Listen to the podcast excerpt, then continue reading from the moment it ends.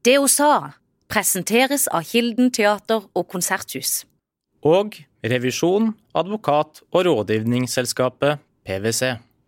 De kollegaene og, og, de som vi i aksjoner har mistet, som har dødd, de vil alltid være med. Eh, og for meg så prøver jeg å snu det til noe som skal gi meg en sånn inspirasjon eh, til å bli stadig bedre i jobben.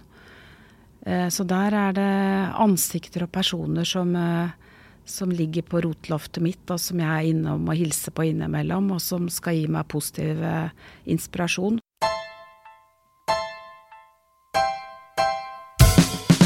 Kjerstin Askholt, politimester i Agder. Velkommen til det hun sa. Ja, tusen takk. Tusen takk for invitasjonen. Du, vi møttes jo tidlig i dag. Mm. Vi måtte ha litt kaffe begge to for å komme i gang. Eh, kan ikke du fortelle litt om hvordan starten på uka, som i dag, er for deg? Mandag morgen det er eh, parole, distriktsparole. Så da møter vi halv åtte på jobb for å gå gjennom helgen helgens hendelser og hvordan det har vært. Eh, hvordan oppdragene har vært løst. Bemanning. Har vi hatt riktig bemanning, og har vi styrt i riktig forhold til der eh, episoden har vært. Og så er det å gi oppdraget videre til neste vaktlag og sørge for kontinuitet. Så det er en fin måte for meg å få litt oversikt på også, og hyggelig sted hvor en treffer mange av de operative. Men hva må til for at du skal få en god start på dagen? Å ja, i hvert fall en halvtime på badet med radioen. Eh, og så må jeg ha kaffe. Kaffe er viktig. Og helst en sånn liten ti minutter hvor jeg kan sitte i ro med den før jeg drar av gårde. Sånn at jeg får en litt sånn god stemning som jeg kan dra med meg inn i dagen. Så jeg, jeg var veldig morgenfull før, men nå er jeg blitt litt eh, mer glad i å ta det litt med ro. Ja. Du skal få lov til å si tre ting som kjennetegner deg, sånn at vi blir litt mer kjent med deg. Ja, og det, og det, er vanskelig faktisk å skulle ha bare tre stikkord. Eh, men eh, ett som jeg må framheve, er kanskje engasjert. Det liksom står litt i panna mi, tror jeg. Sånn har jeg alltid vært. Blir lett engasjert. Eh, og så um, tror jeg nok at jeg er grunnleggende glad i og nysgjerrig på mennesker. Og så har livet etter hvert lært meg å bli ydmyk. Så, er, eh, så kunne jeg føyd til en del at jeg er veldig glad i å kose meg osv. Men de tre tingene er kanskje noe som jeg tror kjennetegner meg. Mm. Du, du leder 700 ansatte. Åssen er det? Ja, 700, jeg er vel rundt 750. Uh, ja, det, det, er litt sånn rart tall, for det er litt for mange til å bli personlig kjent med alle, selv om jeg prøver så godt jeg kan. Men først og fremst så er det jo trygt og godt at det er så mange. Det er, gans, det er mye mer robust enn der jeg kom fra. Eh, det er 750 veldig flotte ansatte som jeg har rukket å sette, bli, ja, bli veldig glad i, sette pris på. Dyktige. Og så er det med litt ærefrykt. Eh, det er det. Å være, skulle være en god leder for så mange som har et så egentlig krevende yrke, det, det er litt sånn ærefrykt òg. Mm. Men som leder, hvordan klarer du å skape et klima der det er helt OK å komme og si at ja, jeg gjorde en feil, eller mm. her burde jeg gjort noe annerledes. Hvordan klarer du å skape et miljø der det føles så trygt at folk faktisk gjør det? Ja, eh, og da skulle jeg ønske jeg hadde sånn kvikt og greit svar til deg. og det er det jo ikke. Det tar lang tid å bygge opp tillit, og det tar lang tid å bygge opp en sånn kultur. Eh, og det tar veldig kort tid å rive det ned igjen. Eh, men, eh, men, jeg må jo vise eh, de ansatte at det er lov å feile, og det er lov å lære av det. At politiarbeid ikke er Det er ikke noe soloarbeid, det er lagarbeid. Og jeg må klare å tre fram som leder og, og ta en for laget når, når, vi gjør feil. Så er det ikke den enkelte som skal fronte det, det er meg som leder. Men det tar lang tid å bygge opp tillit. Eh, men jeg er veldig opptatt av det, eh, og jeg jobber med det hver eneste dag. Og så må jo jeg også vise det i måten jeg eh, selv løser ting på, da. Jeg kan ikke si én ting og så gjøre noe annet selv. Mange av de lederne vi har hatt inne her i podkasten, det hun sa, de snakker om moderne ledelse. Mm. Og en av de tingene de trekker fram der, det er det å tørre å være sårbar mm. som leder. Mm. Kan du det i den rollen du har? Ja, jeg tror hvis jeg ikke hadde kunnet være sårbar, så kunne jeg nesten ikke hatt en sånn jobb. Jeg jobbet med redningsledelse over mange år. Det er, det er liv og død, og det er korte, det er korte liksom, avstander mellom det. Eh, og det gjør inntrykk, eh, og det gjør at vi blir veldig godt kjent når den type ting kommer så tett på. Eh, og jeg tror at ved å være sårbar, så blir du egentlig sterk. Men, men, hva er det å være sårbar for deg? Er det å kunne sitte og, og grine sammen med dine ledere, eller? Det er i hvert fall å, å, å vise også de, de, litt sånn Når jeg har en dårlig dag, eh, eller eh, Ja, vise de litt sånn svakere sidene ved meg også. Jeg er jo et helt menneske, jeg òg. Um, så er det kanskje ikke jeg, jeg, tror ikke jeg er, jeg er kanskje ikke typen som gråter så mye, men, men, det å vise at jeg har en dårlig dag, at jeg kan bli veldig redd, eh, lei meg, skuffa, alt hva det er, det er også en del av av Kjerstin. Tror du det er vanskeligere i en organisasjon som på en måte bygger på disiplin, og som har dette med straff som som en del av seg? Nei, det tror jeg ikke. Men jeg tror de fleste som jobber i politiet har en evne til Når vi står midt oppi ting, da legger du alt til side. Og det gjør jeg også. Da blir jeg ofte veldig sånn rolig, veldig rasjonell. Eh, da er det fullt fokus på det som skal løses. Eh, men så har vi også en kultur for at vi setter oss ned sammen etterpå eh, og debrifer. Og da kan det være litt ganske sånn rett ut av posen. Eh, og det er en viktig del av det, men eh, alt i sin tid. Så når vi er på jobb, da er vi på jobb, og da er vi proffe. Men da har du behov for å lette litt på trykket etterpå. Og det har jeg også. Du nevnte det med at du kan være redd. Veldig redd. Mm. Hvilke situasjoner er du redd? Jeg, jeg vil heller bruke ordet engstelig og bekymret. Og det er jeg jo hele tiden. Det å ha ansvar for folks liv og helse det er til, tidene, til tider et, et, stort ansvar å bære. Eh, når det er store folkeansamlinger og trusselnivået er høyt, så kan jeg være bekymret. Da, da er jeg ganske alertet, for å si det sånn. Eh, ikke redd, men jeg blir fokusert, og jeg har et velutvikla bekymringsgen. Når vi er midt i en redningsaksjon, så kan jeg også være bekymra for at jeg skal få alle mannskaper hjem, hjem igjen. Eh, så det er både for publikum, men det er også for eh, mine flotte kollegaer at, eh, at, at det ikke skjer noe med de. De, også, de har sitt liv, de er småbarnsforeldre og de er, de er, helt vanlige mennesker de også, som tar en støyt for samfunnet. Så, så, det er begge deler. Jeg vet jo at du har vært med på flere store, alvorlige hendelser. Mm. Men det er jo flest av de små, vil jeg tro. Mm. Mm. Klarer du å gi meg noen eksempler på noen av de mindre hendelsene, men som også har gjort deg litt sånn bekymra? Vi har jo mange hendelser med psykisk ustabile, eh, og med unge mennesker som eh, har stor bagasje og store utfordringer. Jeg kan være bekymra for de, eh, og jeg kan være bekymra for, for, det de kan gjøre i lokalsamfunnet hvor de bor. Og da kommer nok den der interessen min for mennesker inn. En vil jo helst at det skal gå bra. Det tror jeg ligger grunnleggende i oss, at vi ønsker at ting skal gå bra. Og vi strekker oss veldig langt i politiet for at ting skal gå bra, men det er jo ikke alltid det gjør det. Og det er jo mange av de hendelsene der. Det er eh, Vi plukker en del kniver i løpet av helgen. Helgene særlig.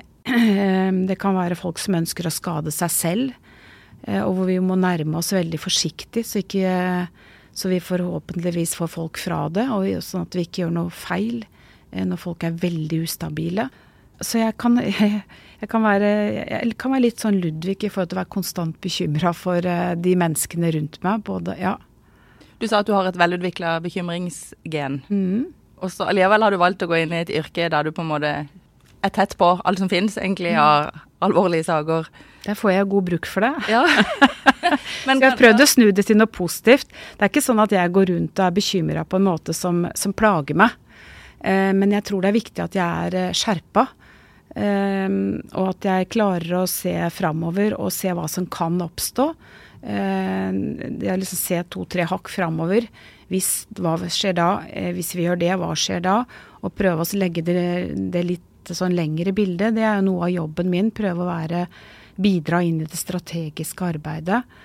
Så jeg kjenner det ikke som eh, Det er ikke noe plagsom bekymring. Det er nei. nei. Du kan egentlig bruke det på en konstruktiv måte til å være forberedt på alt som kan komme til å skje? Absolutt. I politiet er det store muligheter for det, for det er jo det vi driver med hver eneste dag. Så, så, så derfor så, så, er det ikke noe Nei, det er ikke noe plagsomt. Det er en del av meg. Mm. En av gjestene vi hadde inne, snakka om at hun gjennom sin karriere måtte venne seg til å føle ubehag, eller egentlig leve litt med det, med å mm. være mm. ukomfortabel. Mm. Rett og slett bare ta inn over seg at det er en del av det å stå i den jobben som hun hadde da. Kan du kjenne deg igjen i det litt? Ja, veldig. Det gjør jeg. For hvis, eh, hvis, det blir plagsomt på en eh, negativ måte, så kunne jeg ikke hatt denne jobben. Eh, det kunne jeg rett og slett ikke.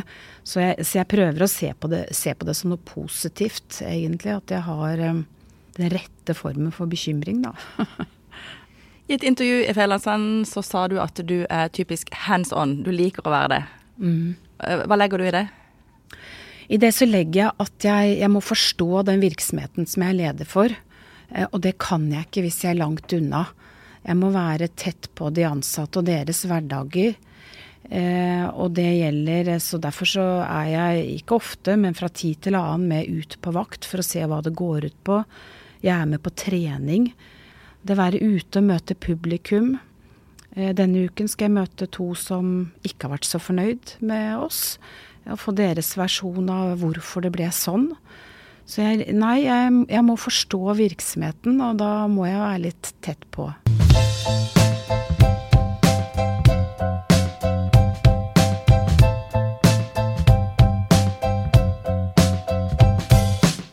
Fortalte meg at du sykler til jobb. Ja. Og så sa du at du er nøye med å passe på lyskryss, du har på hjelm. Ja. og du har også på uniform, så folk ja. ser jo at her kommer Kjerstin ja. Askholt. Eller i hvert fall her kommer en representant for, for politiet. Ja. Hvem er du når du tar av deg den uniformen? Er du en sånn som bare sladder gjennom krysset der og uten hjelm? Og Nei, jeg, jeg, er glad i fart og spenning. Det har jeg alltid vært. Eh, veldig glad i eh, naturen. Det er litt sånn min form for yoga, tror jeg. Eh, men, eh, men jeg, eh, ja, jeg, er såpass glad i fart og spenning at jeg har måttet liksom skjerpe meg når jeg har fått den jobben her. At jeg, jeg, må innse at jeg må gå foran med et godt eksempel. Så, men jeg har alltid vært glad i sykle. Jeg er glad i hester. Vi drev med hest i mange år, datteren min, og da var jeg med. Kjørte rundt, land og strand rundt med to hester bakpå. Så, så jeg liker jo litt sånn action og litt fart og spenning, det gjør jeg. Hva driver du med nå da, når du skal slappe av? Eh, I den jobben her så har ukedagene er, de er ganske fylt, det er de. Eh, og så blir det gjerne litt arrangementer på ettermiddagen og kvelden nå. Jeg stiller opp på ja, ulike ting hvor folk har et behov for å, for å få politiets stemme. Men jeg går tur, jeg tror nesten hver eneste dag. Eh, og det gir meg stor glede. Og finner jeg en plass hvor jeg kan gjøre litt yogaøvelse for meg selv, så syns jeg det er deilig. Jeg har en veldig fin familie som jeg er glad i og liker å være sammen med. Og, og er jo et sosialt menneske. Jeg er veldig glad i gode middager med venner, gode diskusjoner. Ja, det gir meg stor glede. Så sosial, utpreget sosial, tror jeg. Men som politimester, kan du noen ganger glemme jobben din helt? Og koble helt av? Det er ikke ofte. Jeg tror telefonen er med meg stort sett overalt. Men jeg er flink til å Og det er igjen noe som jeg tror er viktig når du skal ha en sånn jobb, at jeg er litt til stede der jeg er. Så når jeg er på jobb, så er jeg fullt inne i det. Og når jeg kobler av, så har jeg med meg telefonen, for da vet jeg at er det noe, så ringer de meg.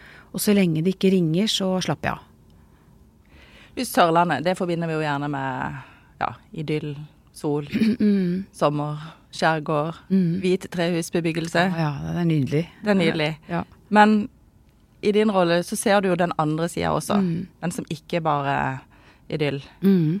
Kan du beskrive den for meg? Oi, ja. Um, Agder er jo et sted som de fleste ønsker å, å, ha akkurat det bildet du beskriver. Det er jo feriested nummer én, eh, og hvor vi liksom på et vis ønsker å ha det bildet. Eh, men det er også et sted som har Eh, til dels lave levekår. Eh, det er et sted som ligger tett på Europa med, med trafikk. og alt det det kan føre med seg. Det er et sted med et utpreget høyt engasjement for andre, mye frivillighet.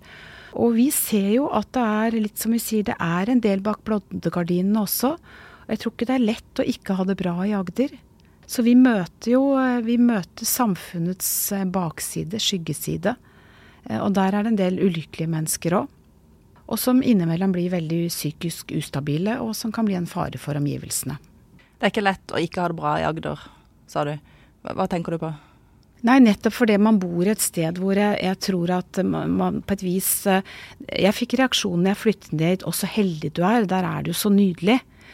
Eh, og det er det.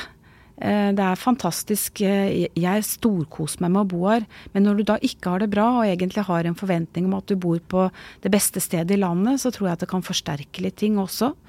Og, og det er små, tette samfunn som Egdene er jo litt beskjedne. Litt kan være litt sånn du må nærme deg litt forsiktig. Og da kan jeg godt tenke meg at hvis du ikke har det helt bra, så kanskje det ikke er den enkleste kombinasjonen. Men jeg er litt nysgjerrig på den andre sida. Og, og, du har jo en, en, en mulighet til å prøve å forklare oss, eller få oss til andre som ikke ser den sida, mm. til å forstå litt mer av de forskjellige sidene mm. Sørlandet. Kan du mm. klare å tegne et tydeligere bilde? Åh, oh, ja, det er Altså, det er Det er ikke så lett å bli sånn veldig konkret, men det er Det gjør inntrykk når du treffer folk som eh, er på randa av sammenbrudd, som er desperate. Eh, og som tydeligvis ikke har noen rundt seg som, eh, som de klarer å som, som, kan hjelpe dem med dette. Eh, det er stor pågang til psykiatriske tjenester, og en del blir sittende aleine. Og de blir noen gang så desperate at, at vi i politiet får kontakt med dem. Og vårt oppdrag er først og fremst å passe på samfunnet, men de enkeltskjebne, de, de, de blir jo med oss. Eh, det er alt fra de som vil hoppe fra broer, eh, som forsøker å ta livet av seg, eh, og de som blir så desperate og så psykotiske at de prøver å ta livet av andre, og noen ganger klarer det også. Det gjør dypt inntrykk. Vi hadde en flyktningstrøm i fjor hvor vi plutselig hadde flyktninger rett inn på politihuset. Og jeg møtte flere av disse mødrene med unger som var litt bustete, noen strømpebukser som var tatt på bak fram. Du så at de hadde hatt det travelt når de dro av gårde. Eh, og som fortalte meg at ja, for tre uker siden så levde vi helt normale liv, og nå står vi her, og mannen min er hjemme. Det var tannleger og leger, og plutselig var de her. Så det syns jeg gjorde veldig inntrykk. Men eh, så var det jo også en veldig fin side for Agder at det var veldig mange som bidro med å prøve å trekke de inn. Til at de skulle få det trygt. Og det syns jeg var en eh, det var en veldig god side ved Egder, da. Så, så det er begge deler. Men disse ansiktene, de, de, blir med videre. Det å kunne hjelpe, den biten av rollen, hvor viktig er den for deg? Den er jo kjempeviktig, og jeg var veldig stolt av, eh, ansatte og måten de tok den utfordringen på. For dette var jo en oppgave som ble lagt på oss på toppen av alt annet vi driver med. Eh, og som gjorde at vi måtte omprioritere eh, for å ta imot disse på en skikkelig måte. Jeg fikk jo telefon fra vakta som sa det, hva gjør vi nå, vi trenger bleier. Jeg sa ja, men da må dere bare gå ut og handle noen. ja, og den type ja. oppdrag har dere kanskje ikke hatt før? Nei, ikke, kanskje ikke akkurat det, men det er veldig mye vi må gjøre i politiet i tillegg da, for å, for ivareta mennesker i nød. Og når jeg ser den måten som ansatte da tok vare på, på, på flyktningene, det syns jeg var veldig flott. Vi tok inn gamle politipensjonister som ble trygge, gode personer for flyktninger den første tiden og før de kom ut til kommunene. Eh, som jeg eh, Da blir jeg veldig stolt av de av kollegaene mine. Nå har du jo vært i politiet en god stund. Mm. Og har vært med på mange vi om en del dramatiske hendelser. Mm. Eh, på Svalbard bl.a. Jeg vet at du var i Oslo i regjeringskvartalet 22.07. Stemmer. Mm. Når du ser tilbake nå, hva er det som har gjort mest inntrykk på deg? De kollegaene og, og de som i aksjoner har mistet, som har dødd, de vil alltid være med. Eh, og for meg så prøver jeg å snu det til noe som skal gi meg en sånn inspirasjon eh, til å bli stadig bedre i jobben. Eh, så der er det ansikter og personer som, som ligger på rotloftet mitt, og som jeg er innom og hilser på innimellom, og som skal gi meg positiv eh, inspirasjon. 22.07 mista jeg jo flere gode kollegaer, og flere ble hardt skadet også. Jeg føler en veldig sånn forpliktelse til å, ja, til å videreføre arbeidet i, i litt i deres ånd, eh, og litt for å på et vis hedre de. Eh, så de er med. Og så er det den på motsatt side, den intense gleden når det går bra. Eh, som, eh, som, også er eh, Det er da jeg liksom skjønner hvorfor jeg er veldig glad i å jobbe med redningstjeneste, annet. Når du redder menneskeliv. Det gjør dypt inntrykk. Jeg var så heldig på Svalbard at vi under skredet reddet en familie på fire. Og minste barnet var åtte uker gammelt, som vi gravde fram fra skredet. Og da de foreldrene senere kom og spurte om jeg kunne vie de, så var det en utrolig sterk opplevelse når vi sto der med alle fire og, og fikk liksom være med i et veldig lykkelig øyeblikk etterpå. Så sånne, sånne, historier blir jo veldig med videre. Og det er med å understreke det meningsfulle med å være i politiet. At uh, det, er, det, er, liv og død. Det er liksom det ene øyeblikket intens lykke når vi får det til og det går bra. Og så er det det å ta med seg de skjebnene og de situasjonene hvor det ikke går bra, og prøve å lære av det hvis det er noe vi kunne gjort. Men alltid også på et vis huske de sakene. Mm, la de bli med som en del av um, ja, inspirasjonen for å stå på videre. Hvor opplever du at den største frustrasjonen er ute blant publikum? Ja, Én så, så, vet jeg jo at uh, kommunene og alle rundt oss gjerne vil ha oss mer med og tettere på i forebyggende arbeid. Eh, og der skulle vi gjerne hatt uh, både flere hender og armer og ben og hoder og alt hva det er. Så, så det er en frustrasjon som jeg vet omgivelsene har.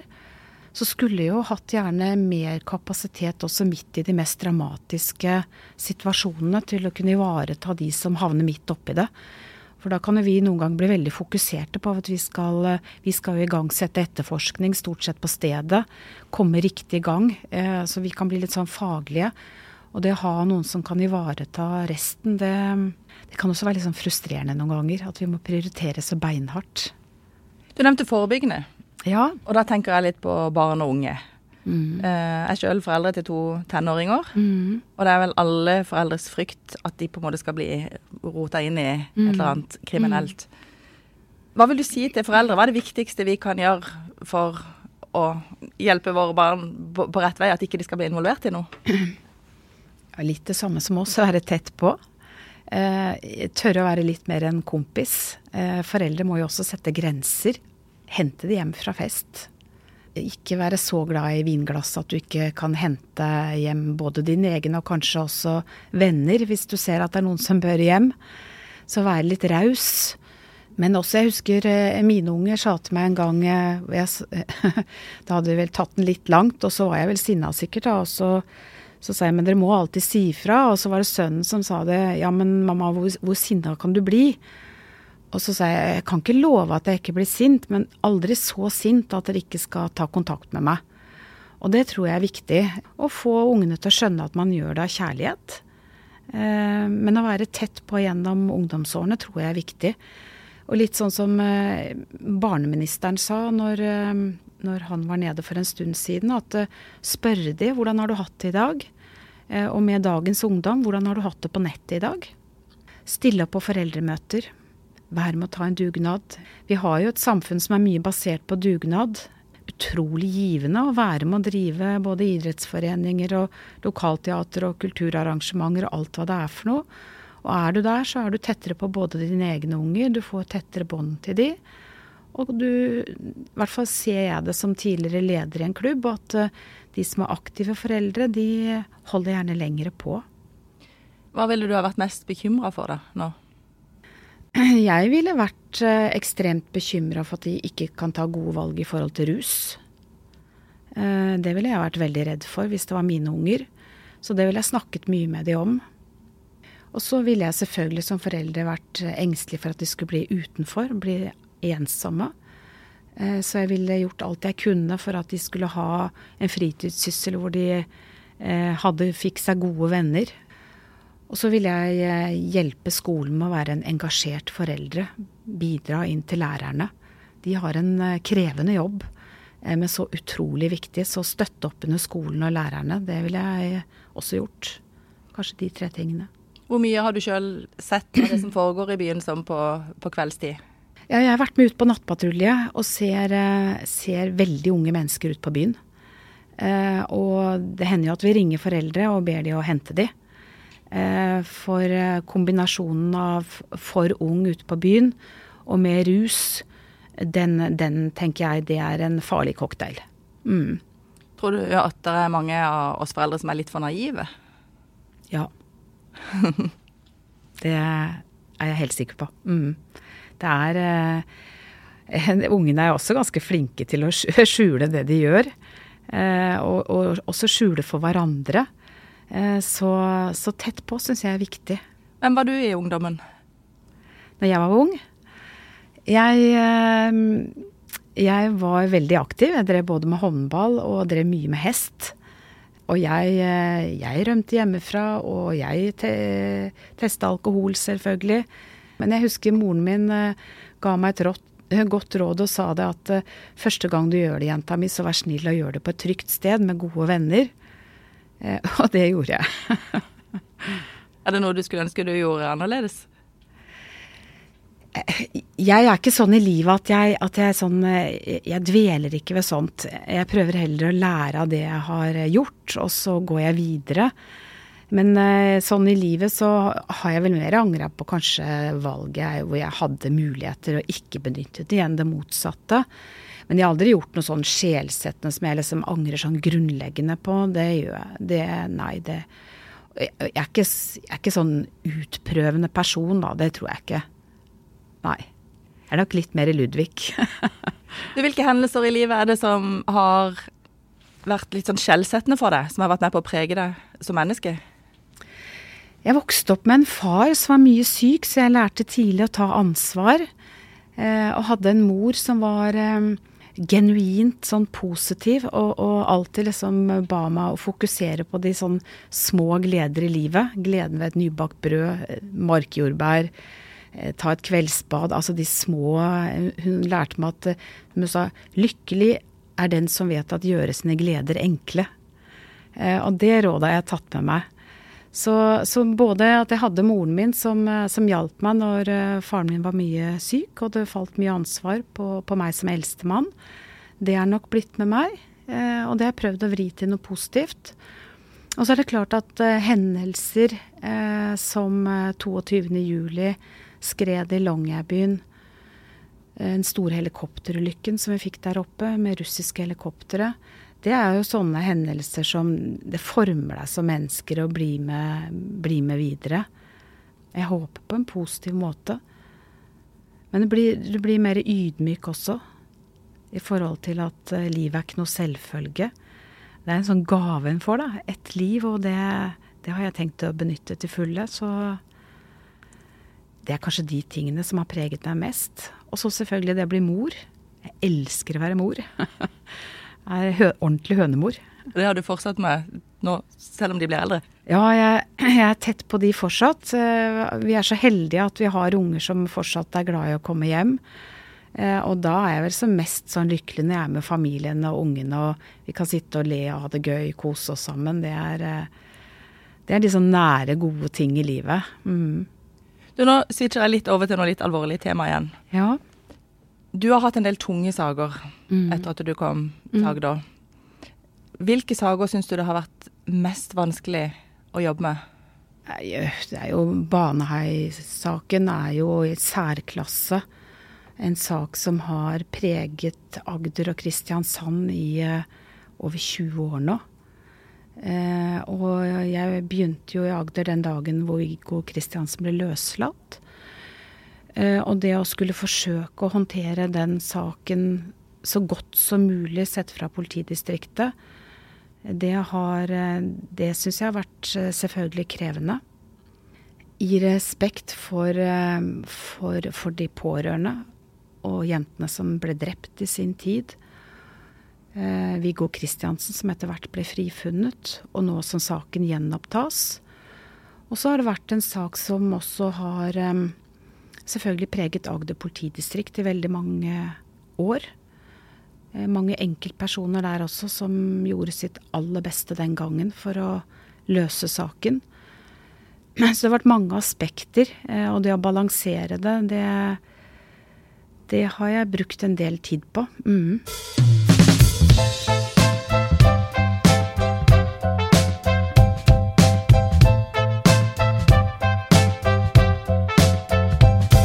Tror du at du som politimester leder annerledes fordi Eller som kvinne, da? Eh, ja, jeg, jeg, får ikke gjort noe annet enn å være den jeg er. Eh, og, og, det inkluderer jo å være kvinne. Eh, på, på, godt og vondt. Eh, så jeg er helt sikker på at det, at det, preger meg. Jeg har aldri forsøkt å være noen annen heller. Og det måtte jeg, jeg gikk jo tidlig inn i, i eh, sektorer som var ganske mannsdominerte. Og jeg har alltid tenkt at jeg kan aldri prøve å bli noe annet enn det jeg er. Jeg kan heller ikke prøve å framstå som en mann. Så jeg må jo være meg selv på godt og vondt. Og det kan jo innebære flere ting, det. Men eh, jeg, jeg tror jo at i politiet så har vi veldig godt av å være begge deler. Kanskje litt ulike perspektiver. Hvor viktig er det da å få til et mangfold i politiet? Både i form av, av kjønn og, og bakgrunn? Og alder og alt hva det ja. er. Ja, det er kjempeviktig, for det er jo det befolkningen er også. Det er jo en sammensetning av alt mulig. Og da får vi større kompetanse på befolkningen hvis vi er ulike personer. Og så vil man jo ofte, og det ser vi ofte når vi har la oss si f.eks. stab, hvor vi har et veldig sånn innarbeidet system for å komme med ulike perspektiver, for å sørge for at vi løser oppdrag ordentlig. Og det å få ulike perspektiver er utrolig lærerikt. Og jeg har mange ganger sittet og tenkt at ja, nå har vi løsningen. Det er sånn vi løser det. Og så kommer nummer ti, som kanskje ikke er den som prater mest, og så sier jeg ja, eh, Frank, du har ikke sagt noe på møtet. Har du noe å føye til på slutten? Og så kommer det ene veldig viktige argumentet som ingen andre hadde tenkt på. Så det å skape en kultur for at det er høyt under taket, at alle kan si fra, og at ulike meninger har betydning, det er både kjempespennende og utrolig viktig. Og det syns jeg også at vi kunne være flinkere til i samfunnsdebatter og annet. Det blir ofte så polarisert. Eh, veldig ofte så er man ute etter en quick fix. Men eh, sånn er jo ikke livet. Det er ikke bestandig det er noe quick fix. Nå har du vært noen år i, i politiet. Mm. Uh, har du opplevd noe som har vært ubehagelig fordi du har vært kvinne? Eller som har overraska deg? Nei, egentlig ikke. Altså, jeg har jo hatt mine ting, hvor, og særlig tidligere så var det litt sånn Jeg husker moren min lærte meg det at ja, det kan liksom bli menn som er pågående, og det må du bare lære deg å håndtere og avvise. Eh, og det var liksom det som var normalt for 20-30 år siden. Har det fungert? Hva? Har det fungert? Ja, ja, det fungerte for min del. Men jeg er jo veldig glad for at vi har kommet videre, og at nå er det ikke lenger akseptert heller. Eh, det er ikke aksept for sånt. Det syns jeg jo er flott. Og jeg har fått bamsemums. Og liksom når jeg var ung og kvinne, at jeg fikk sånn pose med bamsemums, og denne passer til deg, osv. Eh, men da var jeg veldig glad i bamsemums. Jeg tok kaffe og spiste den opp. Og Hva mente de med det? Ja, det var, det var, vel litt sånn, eh, sånn, eh, sånn barnslig sjokolade, da. Jeg satt i, i jobber tidligere og hadde mye ansvar. og så fikk jeg ikke en melkesjokolade, men jeg fikk sånne små bamsebjørner med skum inni, liksom. Så, så også med litt sånn glimt i øyet. Men nei, jeg la ikke så mye vekt på det, egentlig. Jeg er veldig glad for at vi har kommet dit vi er i dag. Eh, jeg er takknemlig for at jeg bor i Norge, så likestillingen har kommet så langt. Ja, På hvilken måte har det endra politiet at det nå er kommet mange flere kvinner, både sånn ute på, på bakkeplan, men mm. også sentralt, i sentrale posisjoner? Jeg syns jo først og fremst at, at, ting går på personlighet, men kanskje har kvinner litt større fokus på omsorg og den delen av det. Og det tror jeg er fornuftig å få inn, også i politiet. Ta vare på hverandre som kollegaer, og når vi møter ulike ofre. Altså det menneskelige perspektivet tror jeg at kvinner er gode på. Og så er det jo noe med at vi, når vi ikke er store og sterke, så må vi jo finne andre metoder for å oppnå det samme. Og, og det tror jeg jo at vi finner andre teknikker da, for å virke konfliktdempende. Eh, som, som i hvert fall jeg har erfaring med kan være fornuftig. Og så tror jeg igjen bare at mangfold i seg selv er bra. Eh, jeg syns ikke det er bra hvis det er bare kvinner heller, jeg. Så det er jo det der mangfoldet som, eh, som skaper en sånn Ja, skaper gode miljøer.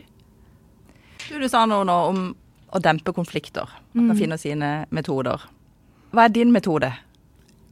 Noen ganger så blir du liksom nesten litt sånn ubevisst på hvordan du gjør det, da. Men eh, det å være god til å se mennesker og lytte, det tror jeg er viktig. Eh, gi de litt bitt ekstra tid til å få lettet litt på trykkokeren. Tåle det.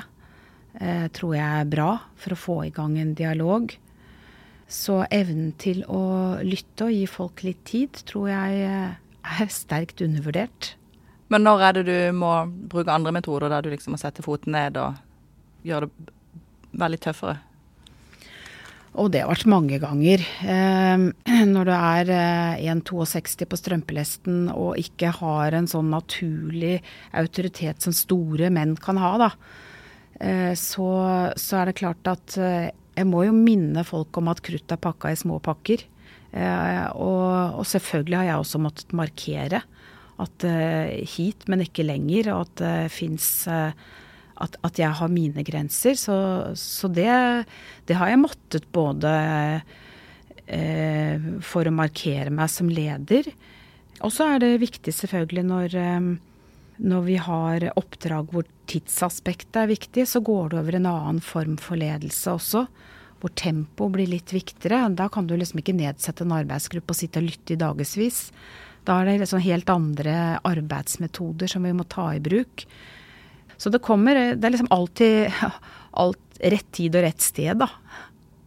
Du, jeg tror det var sist sommer, så var det en demonstrasjon i byen. Mm. Kvinner gikk i tog. Mm. For mindre vold mot kvinner. Eller de mm. mente at politiet burde reagere mm. mer og bedre. Mm. Da gikk du ut, og så åpna du døra, og så sa du 'kom inn, så snakker vi sammen'. Hvilken eh, beslutning lå til grunn for det, eller hvilke tanker lå til grunn for den beslutninga, at du bare litt spontant slapp det inn på politikammeret? Nei, det, det, var ganske impulsivt. Men det, det føltes så meningsløst når jeg satt oppe i sjette etasje, og så hørte jeg de høye ropene utenfor. Og så tenker jeg vi kommer jo ingen vei hvis de står der ute og roper, og jeg sitter her oppe i sjette etasje. Så det ble bare litt sånn impulsivt at jeg ringte og sa nei, eh, dette må vi bare endre på, få det inn. Så får vi heller sette oss ned sammen, og så får jeg høre mer hva dette går ut på. Så det, det, var, det var, ingen plan, det var veldig impulsivt. Men det ble et utrolig godt møte, syns jeg. Og, og, jeg skjønner jo det. Vi ønsker jo ikke et samfunn med, med det som man tidligere kalte for husspråk. Tenk man kalte det for det. Eh, men som er vold mot kvinner eh, fra noen som er større og sterkere enn de, altså fra menn. Så at det opprører, at det engasjerer, det er jo Jeg er jo helt enig. Og så er det et stort samfunnsproblem, og, og, vi klarer aldri å bli gode nok. Og vi må samarbeide med veldig mange for å få redusert det mest mulig. Men eh, jeg syns det, det, ble et veldig godt møte. Det var veldig flotte damer som kom inn. Var det sånn at du tok med deg noe av det de fortalte deg i arbeidet videre? Ja, eh, og det, er, og det er sånn som jeg minner, eh, minner ansatte på. Vi måles jo fra Politidirektoratet på alt mulig. Eh, og hvordan vi prioriterer saker, og hvordan vi løser de. Og da har vi sånne skjemaer hvor vi rapporterer inn på, og det, og det kan liksom være IPA 3 og IPA 12 som ikke påtaleavgjorte avgjørelser. Eh, og som eh, innimellom må minne folk på at uh, nå snakker vi om voldtekt av barn. Nå snakker vi om drap. Nå snakker vi om vold mot kvinner. Grov vold mot kvinner. Altså bruke ordene sånn at det aldri blir noe teknisk, men at vi skjønner alvoret i det vi driver med. Og når du får noen rett inn på politihuset som både har egne historier og forteller andres, så levendegjør det det alvoret som ligger bak sakene våre. Og det har vi godt av innimellom, at vi får det, får det direkte. For det skjerper oss på hva det dreier seg om hele tiden. Så språket er viktig? Språket er viktig, så det ikke skal bli teknisk, men sånn at vi minner oss selv på, ja, på de sakene vi sitter og har ansvaret for. Og de er et dypt alvor over. Du, hvilke hjertesaker har du helt sånn personlig som du skulle ønske at politiet kunne bruke enda mer ressurser på? Og jeg skulle ønske at både vi og samfunnet kunne brukt mer tid på forebyggende arbeid. Investert mer penger i det. Eh, for når det kommer til oss, da blir alt så dyrt. Og skjebnen er kommet så langt at eh, det er vanskeligere å gjøre noe med det.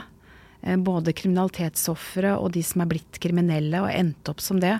Og hvor det ligger tunge, svære skjebner bak. Da får jeg veldig lyst til å jobbe enda mer forebyggende. Kunne jobbe tett på kommuner, skoler, barnehager, barnevern ta tak tidlig. Og det sier jo de som jobber der ute. De ser ofte de som de kan bli caser, de ser det i barnehagen tidlig skolealder. Tenk om vi som samfunn kunne gjort enda mer der og verdsatt verdien av det. Jeg tror at vi på sikt kunne spart mye penger av det, spart mange skjebner. Så det hadde vært flott. Så når jeg blir pensjonist, så skal jeg engasjere meg i det. du, vi har noen faste poster ja. i det hun sa. Ja. Den ene er fremsnakken. Mm. Hvem har du lyst til å fremsnakke? Først og fremst så har jeg lyst til å framsnakke eh, de hverdagsheltene som gjør den jobben hver eneste dag eh, for, å, for, å, sikre samfunnet vårt. De som går natteravn og bruker lørdag etter lørdag. Han ene, nå husker jeg ikke navnet hans, fra moskeen her, som eh, jobber forebyggende for å ta tak i sine. Eh, de som jobber frivillig, de har jeg lyst til å framsnakke. De gjør en fantastisk eh, jobb for samfunnet. Er det noe du er best på i verden? ah, det vet jeg ikke, men jeg, jeg håper jeg er en, en god venn for, de, for vennene mine. Jeg, jeg, håper jeg er en god mor. Er det noe du nerder på? Ja, sikkert mange ting. Jeg er Det ble jeg da jeg drev med hest. Jeg er utrolig glad i lastebiler. Jeg syns det er utrolig kult med store lastebiler og brannbiler. Hestetransporter? Ja, ja, ja, ja.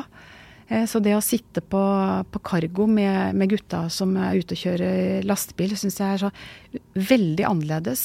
Eh, liv enn mitt eget. Syns det var fascinerende.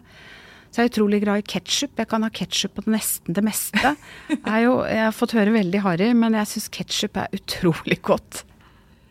Jeg har en litt større sak til som jeg gjerne vil mm. snakke med deg om før vi runder av. Eh, og det er pride. Ja. Det har jo vært en, en tøff sak i det siste. Mm. Um, nå nærmer det seg pride i Kristiansand mm. igjen. Hvor viktig er det at politiet går i toget? Det jeg syns er viktig, er at eh, politiet viser at vi er ett politi for alle.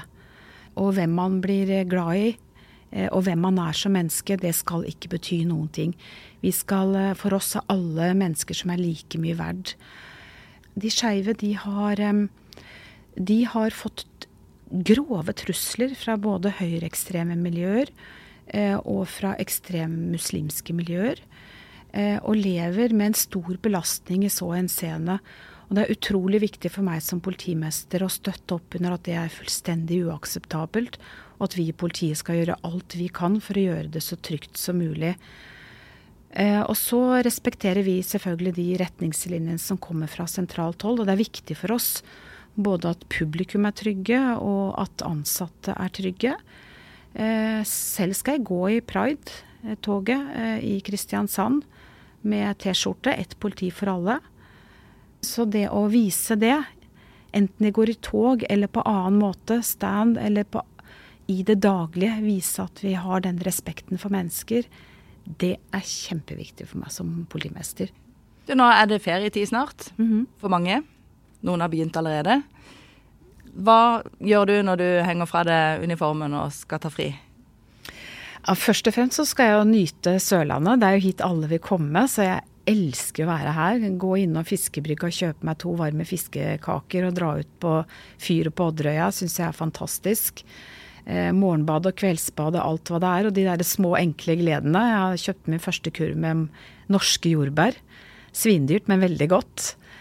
Eh, og så, så, skal jeg være sammen med mannen min. Vi skal litt opp på fjellet, gå turer være her, ta en tur opp på Hegebostad og snekre litt på den, eh, det, det, huset vi har der oppe. Eh, så, men det er ikke noen store ting i år. Men uh, igjen tilbake til det moren min sa. Det er lykkelig er den som vet at uh, gjøres sine gleder enkle. Så jeg har tenkt å ta for meg alt det gode som Agder har i sommer, og det er mye. Kjerstin Askholt, politimester i Agder.